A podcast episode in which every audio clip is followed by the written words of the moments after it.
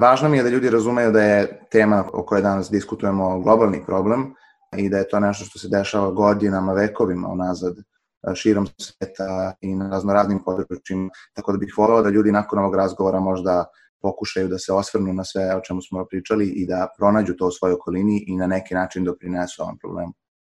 Čuli smo šta je važno Ili Mihajloviću koji živi e, u Sjedinjenim američkim državama, e, tačnije u Bostonu, u državi Massachusetts, e, odnosno on tamo studira na koleđu Berkeley. U ovih 30 minuta urbanih razgovora pričam sa Ilijom o dešavanjima u Americi, protestima u kampanji Black Lives Matters, odnosno Crni životi vrede. Podsjetimo, do velikih protesta je došlo kada je pripatnik policije ubio Georgia Floyda u Minneapolisu 25. maja. O toj temi sam htela da razgovaram sa nekim ko tamo živi i ko može da svedoči toj atmosferi i odnosima među, među građanima.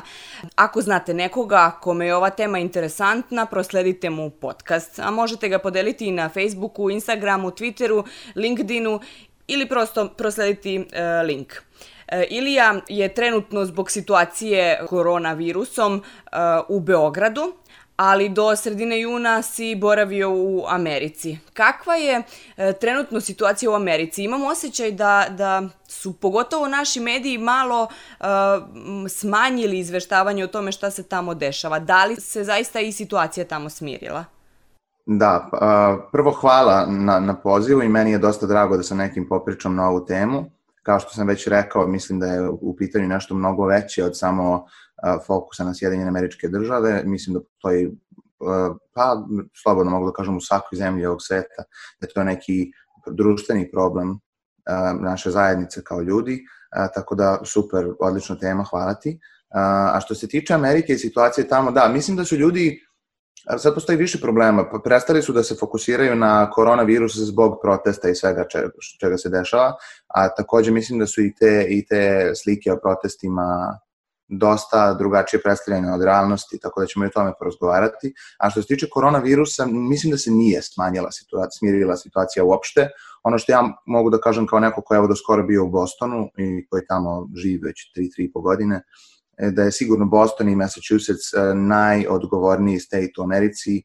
Ti ljudi su sjajni, ja stvarno nisam mogao da verujem oni su za, za razliku od mnogih ljudi širom sveta svesni da virus zapravo i dalje postoji i da se nije smirio. To što se manje govori o njemu ne znači da, da su manje šanse da će ga bilo ko dobiti i da će zaraza da prestane da se širi. E, tako da ja stvarno, meni je sada kad sam se vratio u Beograd, evo nakon par dana potpuni, potpuni šok, jer ja, ja tamo kada sam izašao, ne znam, da prošetam, da na trčanje, da odem u park, ljudi sede na rastojanjima, nose maske čak i u parku, oni tamo imaju slobodu kretanja, nisu imali policijske časove, imali su u jednom trenutku nek, užasno užasno blag neki policijski čas, mislim da je bilo od 8 ili 9 uveče, tako nešto, tako da to nije, nije kao kod nas što je bilo toliko ekstremno, ali su zaista se ljudi kretali slobodno, ali su svi vodili računa.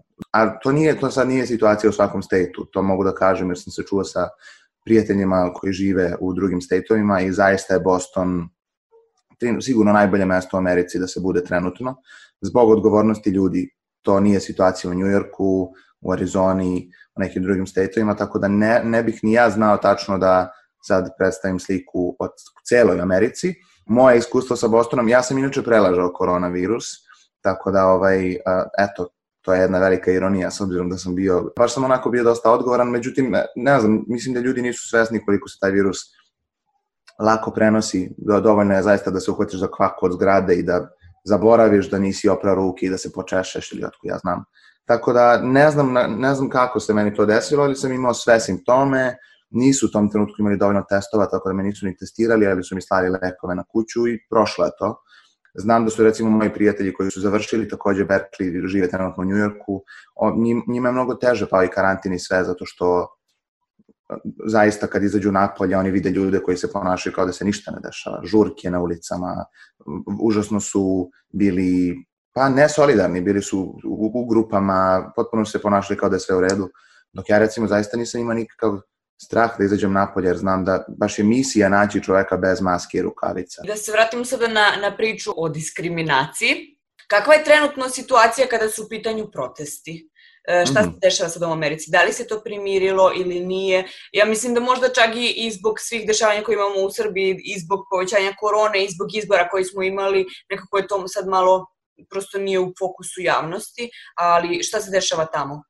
Ja bih pre svega volao da kažem da, evo ja kao belac, koji peva gospel, R&B, jazz, najviše gospel poslednjih par godina i ja sam u gospel horu na Berkliju, gde sam jedini beli evropljanin u horu i većina generalno mojih prijatelja, drugara, drugarica s kojima sam jako blizak su a, ljudi ili crne rase ili latino, tako da a, meni je dosta teško pala cela ova priča, ne mislim, ne zato što ok, svakako je to sve už, jako tužno i svi ti snimci koji su, do kojih smo došli sada su onako baš um, probudete, probudeti svest, jer nismo mi, mislim da je to ono što mene najviše zabolalo, što ja nisam ni bio svestan koliki je to problem zapravo. Ja sam znao da rasizam postoji, da diskriminacija na mnogo nivoa postoji, ali sam nekako mislio da to je mnogo manji problem nego što zapravo jeste. Um, tako da sam se ja baš uključio u ceo ovaj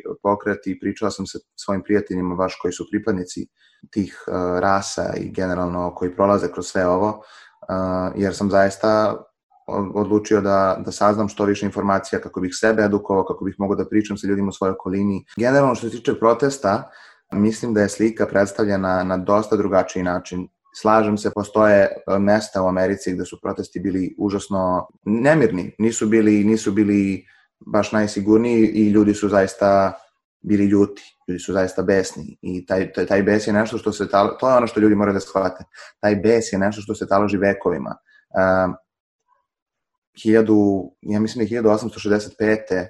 Um, slavery kao robstvo crnaca bilo uh, završeno kao zvanično, međutim nikada, nikada to nije bilo završeno, samo je promenilo svoju formu i to je ono što oni pokušavaju da kažu već godinama. I mnogo puta u istoriji su već postojali ovakvi pokreti, mnogo puta su ljudi uh, mirno protestovali, u miru pokušavali da prenesu neku poruku, da dobiju malo pažnje da kažu nešto što je užasno bitno i što je meni je najtužnije od svega što ljudi ne traže nikakav oni ne traže nikakav luksuz, ne traže nikakva posebna prava, oni traže nešto što je bukvalno najosnovnije ljudsko pravo koje bi svako trebao da ima od prvog dana svog života, a to je samo sloboda i tretiranje isto kao i svih ostalih ljudi. Mislim, dosta me, dosta me bole ti naslovi divljaci pale gradove, uništavaju nedužne biznise, firme. Ok, slažem se, postoje čak i pripadnici crne rase koji su bili besni zbog toga što su se neke prodavnice firme uništile. Svakako, kada su u pitanju ti veliki globalni pokreti, dosta toga istrada, ali nažalost, nažalost izgleda da, uopšte ne govorim sada samo o Americi, govorim o svakoj zemlji, izgleda da kada bi, da bi se došlo do, do vlasti i do nekih ljudi koji do kojih je potrebno da se dođe sa ovim informacijama, koji treba da te čuju da bi se nešto zapravo promenilo, jer oni imaju moć da nešto zapravo promene, a, izgleda da je potrebno da te ljude šokiraš i da se nešto toliko dramatično desi, da bi oni zapravo a, obratili pažnju na tvoju poruku i na to što imaš da kažeš. Toliko puta su ljudi pokušali u miru da se okupe, da sa sloganima stoje satima, danima, mesecima, ništa se nije dogodilo i nakon ovih poslednjih par eventova čuo sam u najavi da si rekla za, da je George Floyd zapravo, da je zbog njega sve ovo započelo. Zapravo nije, to je samo jedna ovako kap koja je prelila čašu. Ja koji sam, koji sam tamo bio ovih poslednjih mesec dana, sam video još sigurno 20-30 videa vrlo sličnih koji su se desili u poslednjom mesecu, nego, eto, ne znam, ovo je bio je možda jedan najbrutalnijih samim tim što je dugo trajao i ljudi su praktično gledali smrt čoveka na sred ulice koje zaista, zaista e, nije smela da se desi nikako. E, postoje sada razno razne spekulacije o tome ko je taj čovek bio, da li je on bio loš čovek, da li je bio kriminalac. E, sve je to meni jasno. Ja samo mislim da smatram da čak i da je bio kriminalac da je radio najgore stvari, trebalo je da bude uhapšen, da odgovara za sve postupke svakako, ali nije smela da bude ubijen na ulici na taj način. To zaista govori o nečemu mnogo višem. Tako da, posebno zato što je on već bio uhapšen, vezan, troje ljudi je bilo oko njega, nije bilo šanse da on pobegne ili bilo šta, uopšte nije bilo u pitanju neko brutalno hapšenje gde je policija morala da upotrebi silu da, da, bi, mog, da bi kao uhvatili zlikovca, šta već. Mislim da je to ljudima probudilo bes i da je on samo, eto, ta kap koja je predala čašu. Nakon Georgia Floyda je bilo još novih snimaka, evo trenutno ljudi se bore za pravdu. Brianna Taylor je devojka koja je takođe ona je, ona je bila, ja mislim da je bila čak medicinski radnik. Ona je spavala u svojoj kući sa svojim verenikom kada je uletelo osam policajaca u kuću greškom. Uleteli su u pogrešnu kuću, misleći da je ona neko za kojim tragaju um, i ubili su je, upucali su je više puta, nikada niko nije odgovarao za to, mislim da čak nije, mislim da čak nisu ni otpušteni ti um, policajci koji su radili u tom slučaju, tako da trenutno se ljudi bore za pravdu i te devojke koje je čak bila medicinski radnik, bila užasno cenjena osoba koja je ni kriva ni dužna, samo je spavala u svojoj kući i neko je uletao i greškom uh, joj oduzeo život. Um, za takve stvari prosto mora da se odgovara. Ovde, tamo, u bilo koje zemlji na svetu, uopšte nije bitno. E, ja sam video da, da su protesti uh, za ceo ovaj Black Lives Matter uh, pokret postojali i u Parizu, i u Londonu, i u Švedskoj, i, u Poljskoj, i uopšte da ne nabrajam, širom sveta. I vidim da ima i dosta ljudi kod nas koji su ovako aktivni i po društvenim mrežama, prosto žele ljudi da se edukuju, jer im je jasno da to nije samo problem koji se dešava u Sjedinjim američkim državama. Ali bih volao samo da kažem ljudima da ta slika protesta koju oni dobijaju nije uvek istinita.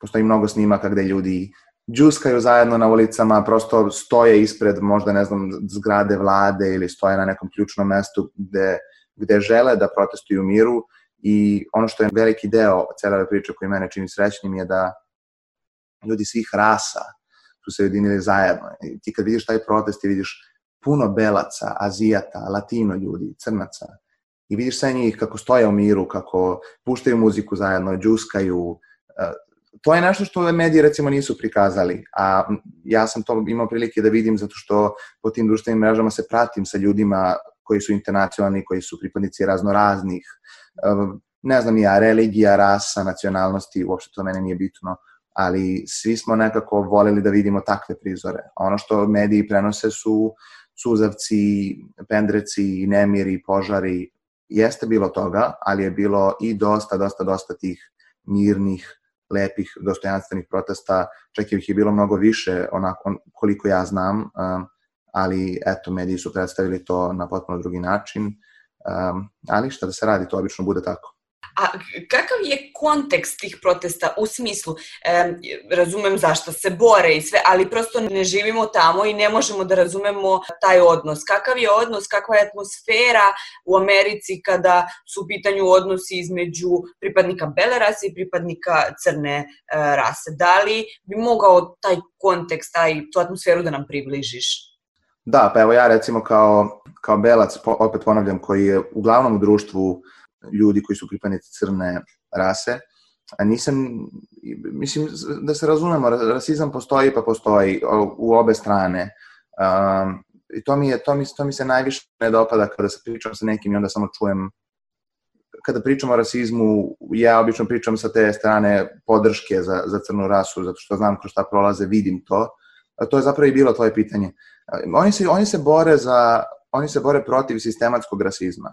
Dakle, bore se protiv brutalnosti policije svakako, ali se bore i protiv sistematskog rasizma koji je veliki problem i za to postoji mnogo mnogo izvora i resursa uh, da se ljudi edukuju o tome. Ovo je jedan od filmova koji je meni dosta otvorio oči, zove uh, 13th, 13. Postoji na Netflixu. To je film u kome, u kome se govori o, o zatvorima i o celom zatvorskom sistemu Amerike i o tome koliko je koliko se zarađuje u celom tom sistemu, koliko je to suludo i onako se obazira na ceo taj sistem zatvora od prošlosti pa do sada i rast zatvorenika svake godine i neke možda koliko nedužnih ljudi završi u zatvorima na poviše decenija, pa onda se sazna da su bili nedužni i kako se uopšte te stvari dogode. Taj film je odličan, stvarno bih ga preporučio svima, jer kroz taj film dobiješ samo onako jedan mali mali hint o tome koliko zapravo taj sistematski rasizam jak i postoji. Sama činjenica da ti ljudi po svom rođenju su učeni i konstantno čuju to da oni manje vrede, da su oni rođeni da budu nešto što da ne mogu da budu nešto što bi želeli da budu i da moraju da rade pet puta jače da bi dostigli neki svoj san, samo zbog toga što imaju tamniju boju kože, potpuno surodo, ali je to istina. Ja sam razgovarao, skoro sam imao live na Instagramu sa svojim drugarom koji se zove Dwayon, koji je fantastičan umetnik, uh, gospel muzičar, uh, songwriter, pevač, kompozitor, sjajan umetnik. Mi smo baš pričali o njegovoj priči, on ima onako dosta moćnu priču. On je recimo uh, morao da prođe kroz cijel taj proces foster care, oduzeli su ga od njegove porodice i smestili ga u drugu porodicu zato što su smatrali da je to prikladno jer je dečko pokazao puno potencijala i talenta već kao jako mlad. Tako da smo o svemu tome razgovarali i postoji mnogo, mnogo stvari unutar tog sistematskog rasizma koje su mini problemi koji svi kad se natalože, jedini odgovor za to je taj sistematski rasizam koji se, kako se to kaže, odražava i na nas, belce, konkretno kako je moguće da se to dešava već koliko, skoro pet vekova, a da mi tek sada, evo konkretno i ja, i ljudi, ne, mislim, za mene čak ima malo im više smisla, jer ja sam evropljanin, ja sam čovek koji je ceo život prodao u Srbiji, tek sam 3-4 godine tamo, ali postoje uh, ljudi koji su belci amerikanci, koji isto nisu bili svesni u potpunosti uh, težine ovog problema. To se odražava i na nas, jer sistem je napravljen tako da neke stvari ti prosto nisu dostupne. Nisu u edukativnom sistemu možda. Sve te knjige, ti filmovi, dokumentarci, govori nekih sjajnih aktivista od pre par vekova. To je neverovatno. Ja sam saznao mnogim ljudima, Maya Angelou, uh, ma, mislim, možete sada da ne nabram, naravno, od Martin Luther Kinga pa sve nadalje. To su govori koji su užasno moćni, ali nisu se puno promenili ljudi koji se danas bore, bore sa iste stvari i onda nekako je neverovatno da se već pet vekova sve vrti u krug, a da smo mi tek sada osetili potrebu da budemo deo toga. Ja konkretno sam se osetio loše zato što sam bio iz fazona ne znam kako nisam video da je ovo toliki problem i da ti ljudi toliko pate. Um, to je opet odgovorno, to je taj sistematski rasizam, um, a to je činjenica da ti neke stvari nisu dostupne i da nisu mi prosto, ne, ne uče me u školi o tim stvarima i ja bih morao ozbiljno da se potrudim i da uradim sam research, da sednem za kompjuter i da tražim neke stvari, a ja mislim da su to neke stvari koje su užasno bitne i koje bi trebalo da mi budu dostupne, da mi budu ispred mene u nekom određenom periodu života, kako bih ja mogao da se razvijem u odraslu osobu koja je svesna nekih jako bitnih stvari iz mnogo više razloga. Nismo svesni koliko su neke stvari bitne i velike za njih, tako da mislim da je ovaj ceo pokret koliko god uh, bio, rekli smo u nekim mestima i u nekim delovima zemalja, agresivan, koliko god bio šokantan za ljude, dosta je bitan jer su ljudi kao što, su, kao što sam ja počeli da, da uče, počeli su da se informišu, počeli su da, da mislim da je najbitnije za nas koji nismo pripadnici te rase i koji ne prolazimo kroz sve to, da najbitnija stvar je razumevanje. Užasno je lako reći, ma vidi ove divljake, oni su nešto sad ljuti pa se tu nešto blokiraju. Treba razumeti iz čega sve to dolazi. Istorijski, zašto se to dešava sada. Uraditi neki mali research da se ču, da ljudi bi saznali da se to dešava, da se to desilo više puta u poslednjoj deceniji samo ovakvi pokreti. Samo što je ovo najveći pokret do sada, pa, su, pa i ljudima odjednom to šok. Zapravo je protesta na ovu temu bilo godinama, godinama unazad. Um, I mislim da je razlika, i to je jako dobra stvar, je Will Smith izjavio stvar, um, rasizam nije postao veći i gori, samo je počeo da se snima. Uh, pošto su ljudi počeli sada da se obaziru na sve te snimke koje smo, možemo da vidimo na Instagramu, Facebooku, sva ta brutalna ubistva, sva, sve te diskriminacije u školama, svu tu malo decu koja, ne znam, su odbačena i te ljude koji su nedužno ubijeni ili maltretirani samo zbog toga što su drugačiji. Um, to u nama budi tu neku sliku da sada mi mislimo da se rasizam pogoršao i da on veći i gori. A ja ne mislim da jeste, nego samo počen, po, počeli su ljudi da ga beleže i da ga šeruju, da ga dele sa drugim ljudima i zato nama sada negde to kad vidiš jednom, dva put, pet puta pa si sezona wow, ovo se zapravo dešava na dnevnoj bazi. Tako da mislim da je u tom smislu ovo dosta dobro jer ljudi počinju da budu svesni. Sad je pitanje samo šta će oni da preduzmu po pitanju toga. Kako ljudi u Americi kako nisu svesni toga, kako ne znaju, da li samo okreću glavu, da li ih je baš briga... To je jako bitno, jako bitno. Upravo je to ono zbog čega ljudi protestuju. Postoje ljudi koji su samo odlučili da izignorišu to. To je, to, to je ono kada oni pričaju o white supremacy i being ignorant. Uh, najveći problem zato što ljudi kojima je dobro nemaju veliku želju da se bore protiv nečega zato što je njima dobro i oni nemaju problem. Postoje dve strane. Postoje ljudi koji su izabrali da ne žele da budu deo pokreta. I možda čak i nisu rasisti, oni nemaju problem sa ljudima drugih rasa, ali ti i dalje si deo problema ukoliko nisi uradio ništa da se, da se informiš, da pronađeš razumevanje za celu tu priču, da daš podršku ljudima, da prosto promeniš nešto što je pogrešno. Dakle, ja ne znam dok li ćemo mi samo da, da stojimo u mestu sve dok je nama dobro i da gledamo druge ljude kako pate i kako prolaze kroz nešto što je evidentno loše i neispravno, ali mi nećemo uraditi ništa po pitanju toga jer nama je dobro. A postoje drugi ljudi koji nemaju, ne mogu puno, puno toga ni da urade, tek sada im je kao magično odjednom jasno, ali zaista jeste, zato što je, opet se vraćamo na sistematski rasizam, koji je najveći problem.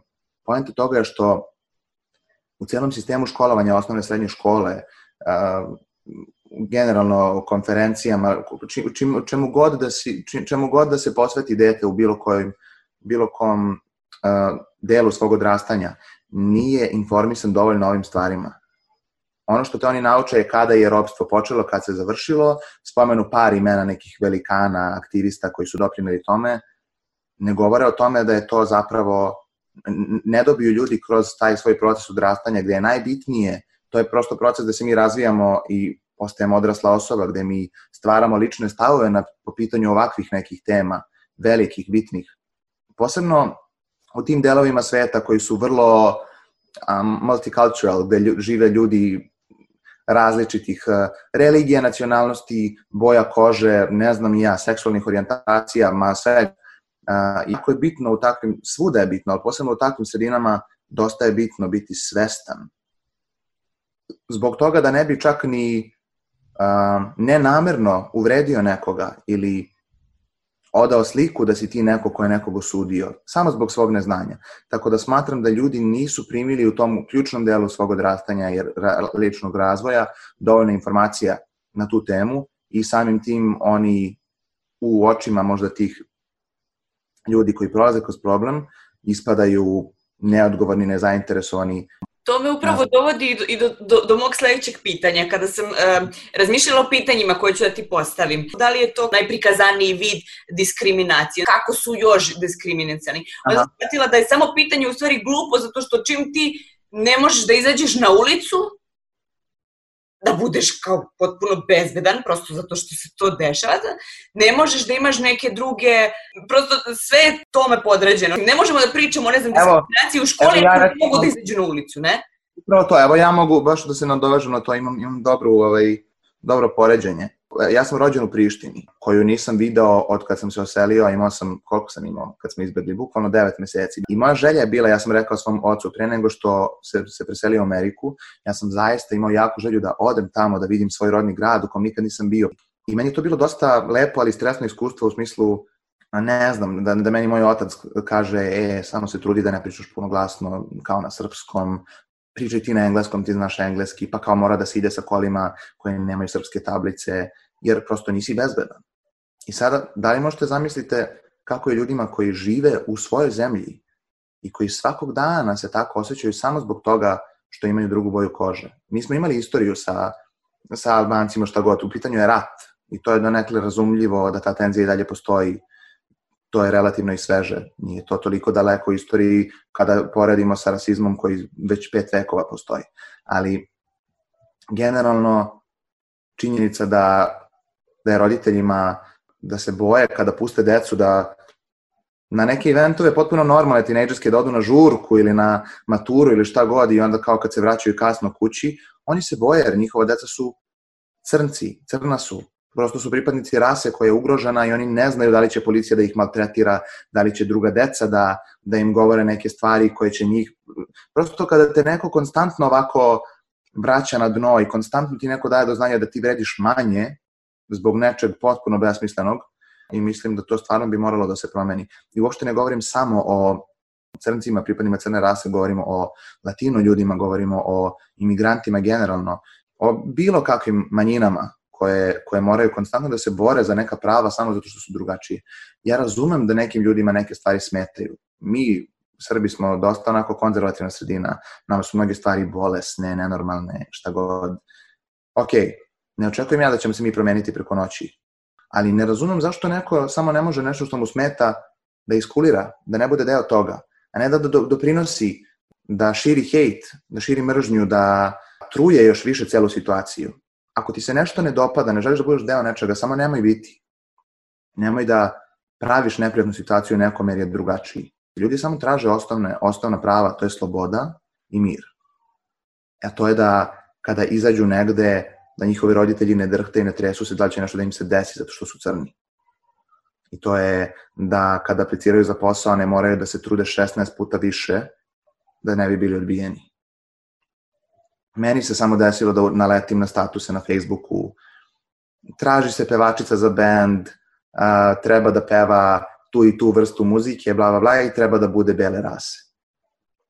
Zašto bi neko morao da bude bele rase? Kako je to, kako je to vrsta, to su uglavnom te, te svirke za veselja, svadbe, venčanja, tamo otkud zna, možda čak i neki kao brunch gigs u nekim restoranima, tako neki eventovi. Mogu misliti kako bi se osjećao neko ko je zapravo pripadnik crne rase da je video taj isti status. Možda počela da čita devojka, jao super, pa ja sam slobodna, ja sam pevačica, i onda došla do posljednje rečenice gde piše mora da bude belkinja. I onda opet kao, a, ništa od toga. Takve stvari se dešavaju na hiljadu sitnih načina na dnevnoj bazi. I posle, zašto su ti ljudi besni? To je globalni problem širom sveta, tako da oni žele da ovim protestima rešavaju deo po deo i da, da, da ostave sliku, da pravo prosto ostave poruku da neće stati dok se ne normalizuje situacija. A ima mnogo toga čemu mora da se radi. Pa evo, da počnemo od toga da svi ljudi koji su nedužno ubijeni brutalno zbog svoje rase, da, da ljudi koji su to uradili budu kažnjeni. Već smo rekli da je to globalni problem. Kad su počeli ti protesti u Americi, na internetu sam mogla da vidim nekoliko ovih kao, pa dobro, mi smo iz Srbije, mi nismo rasisti. I onda su, ne znam tačno ko je to spomenuo, a i mi onda ovde da napravimo paralelu, ok, nisi, nisi rasista možda prema crnoj rasi, ali, na primer, da li je to isto kada su u pitanju Romi? Baš sam htela o tome da pričam i video sam i par tweetova nekih pripadnika romske romske zajednice koji su pričali o tome koliko je njima bilo teško odrastati, koliko, koliko je njima bilo drugačije kada su jedini u odeljenju oni, pritom prvo, ok, nisi možda rasista prema crnoj rasi, prvo zato što nemaš prilike. Nema puno pripadnika crne, crne rase u Srbiji, tako da lako je nama da sa daleka komentarišemo, ali hajde da se borimo protiv toga uh, u našoj zajednici. Dakle, mi svakako postoji rasizam i kod nas da se razumemo, to što mi trenutno nemamo te brutalne situacije gde se ljudi pucaju, ubijaju po ulicama i gde milioni ljudi protestuju, meni je, meni je potpuno jezivo da, da je ljudima normalno i okej okay da se protestuje zbog policijskog časa u vreme pandemije, ljudi protestuju što ne mogu da odu da se ošišaju ili ne mogu da izađu u restoran ili moraju da budu u kući da bi zaštitili svoj i tuđi život potencijalno, ali im, ali im smeta kad ljudi protestuju za svoja neka prava i za slobodu svoju ličnu. Sad su ljudi uvredili zbog tih protesta, a su do pre, ne znam nekoliko dana ispred Skupštine pravili haos jer su morali, bože moj, da budu dva meseca u kući. To im je jako teško palo. Zamisli ljude koji pet vekova, svaki put kad izađu iz kuće imaju strah jer ne znaju šta će se desiti. Meni su zaista moji drugari i drugarice rekli da kad god voze kola i pored njih prođu ili ih zaustavi policija samo da proveri, oni, oni krenu se trese. Ne znaju šta će se desiti. Jer, zamisli, vidiš sve te snimke šta se desilo ljudima koji izgledaju slično tebi. I kako ti da znaš što tebi neće desiti? A ti ljudi ništa nisu radili, kao i ti. Tako da, evo da se osvrnemo na to kod nas, o čemu smo pričali. Dakle, ja zapravo bih mogao da uporedim to romsku zajednicu i crnačku zajednicu. I dosta ljudi kod nas imate neke potpuno ružne izjave kao, znaš, kao Romi su neradnici, ne znam ni ja šta. Meni je to kriminalno izjaviti opet se vraćam na ključnu stvar. Ključna stvar je razumevanje. Zašto ti ljudi su na ulicama, prose? peru kola na e, semaforima. Zašto se sve to dešava? Da li zaista mi mislimo da oni nisu probali da nađu posao, da se zaposle? I njima je uopšte, kada uspeju da skupe novac neke organizacije da nekoga, da par, ne znam, romske dece smeste u školu ili da im obezbede školovanje, osnovno i srednju školu, zašto se to i deci to predstavlja kao neki luksuz? To nije luksuz, to je osnovna stvar. Svako od nas bi trebalo da bude u situaciji da završi osnovnu i srednju školu. I sad su ta deca srećna i osjećaju se privilegovano što za razliku od većine svoje pripadnice njihove, njihove manjine, njihove zajednice, za razliku od velike većine njihove zajednice, oni zapravo mogu da idu u školu i krenu verovatno sa nekim entuzijazmom i radošću i onda doživljavaju jezivu diskriminaciju na dnevnom nivou na osnovu toga što su Romi. Uopšte kada ti nekome predstaviš nešto što je potpuno normalno, ideš u osnovnu školu, ideš u srednju školu, to je meni kao belcu, recimo Srbinu koji je ovde rođen, bilo nešto, uopšte ja nikada nisam brinuo o tome. Ja sam više brinuo kao koju ću školu da izaberem. Ova deca razmišljaju o njima kad neko javi da možda postoji šansa da će ići u školu, njima je to kao jao, idem u školu. A meni je jao, idem u školu. Razumeš? To je problem. I čemu to vodi? Vodi tome da mnogo deca odustane od toga, vrate se na ulicu. I prihvate to kao neki njihov stil života, iako ne bi trebao da bude. Ta deca nisu se rodila sa genima na tome da oni budu na ulici i da rade na semaforu i da se muče, otko ja znam šta već. Ja sam siguran da kada bi oni imali iste usluge koje mi imamo, kada bi njima bilo normalno da idu u školu, da im bude obezbeđeno to, da uopšte ne moraju da brinu ono tome da li će moći da idu u školu, da bi potpuno bio drugačiji život i njima. Ali oni od, od prvog dana svog života znaju da to nije njihov život i da nemaju ta prava. Hvala ti. E, ja sam Aleksandra Bučko i zamolila bih vas da ako su vam informacije u ovom podcastu bile interesantne i značajne, da ga podelite i sa drugim osobama kojima će ovo izdanje podcasta takođe biti korisno. E, možete to uraditi na socijalnim mrežama, Facebooku, Twitteru, Instagramu, LinkedInu ili da pošaljete link od podcasta. Takođe, ako imate e, sugestiju ili ideju, interesuje vas nešto što biste voleli da saznate i voleli biste da popričam sa sagovornikom ili sa sagovornicom na tu temu, pišite mi Fabrika kreativnosti na Facebooku ili F kreativnosti na Instagramu. Podcast Urbani razgovori dostupan je na mnogim platformama, a između ostalih tu su i podcast.rs, Mixcloud, Google Podcast, Apple Podcast i na YouTubeu. Slušajte i dalje o važnim temama jedan na jedan.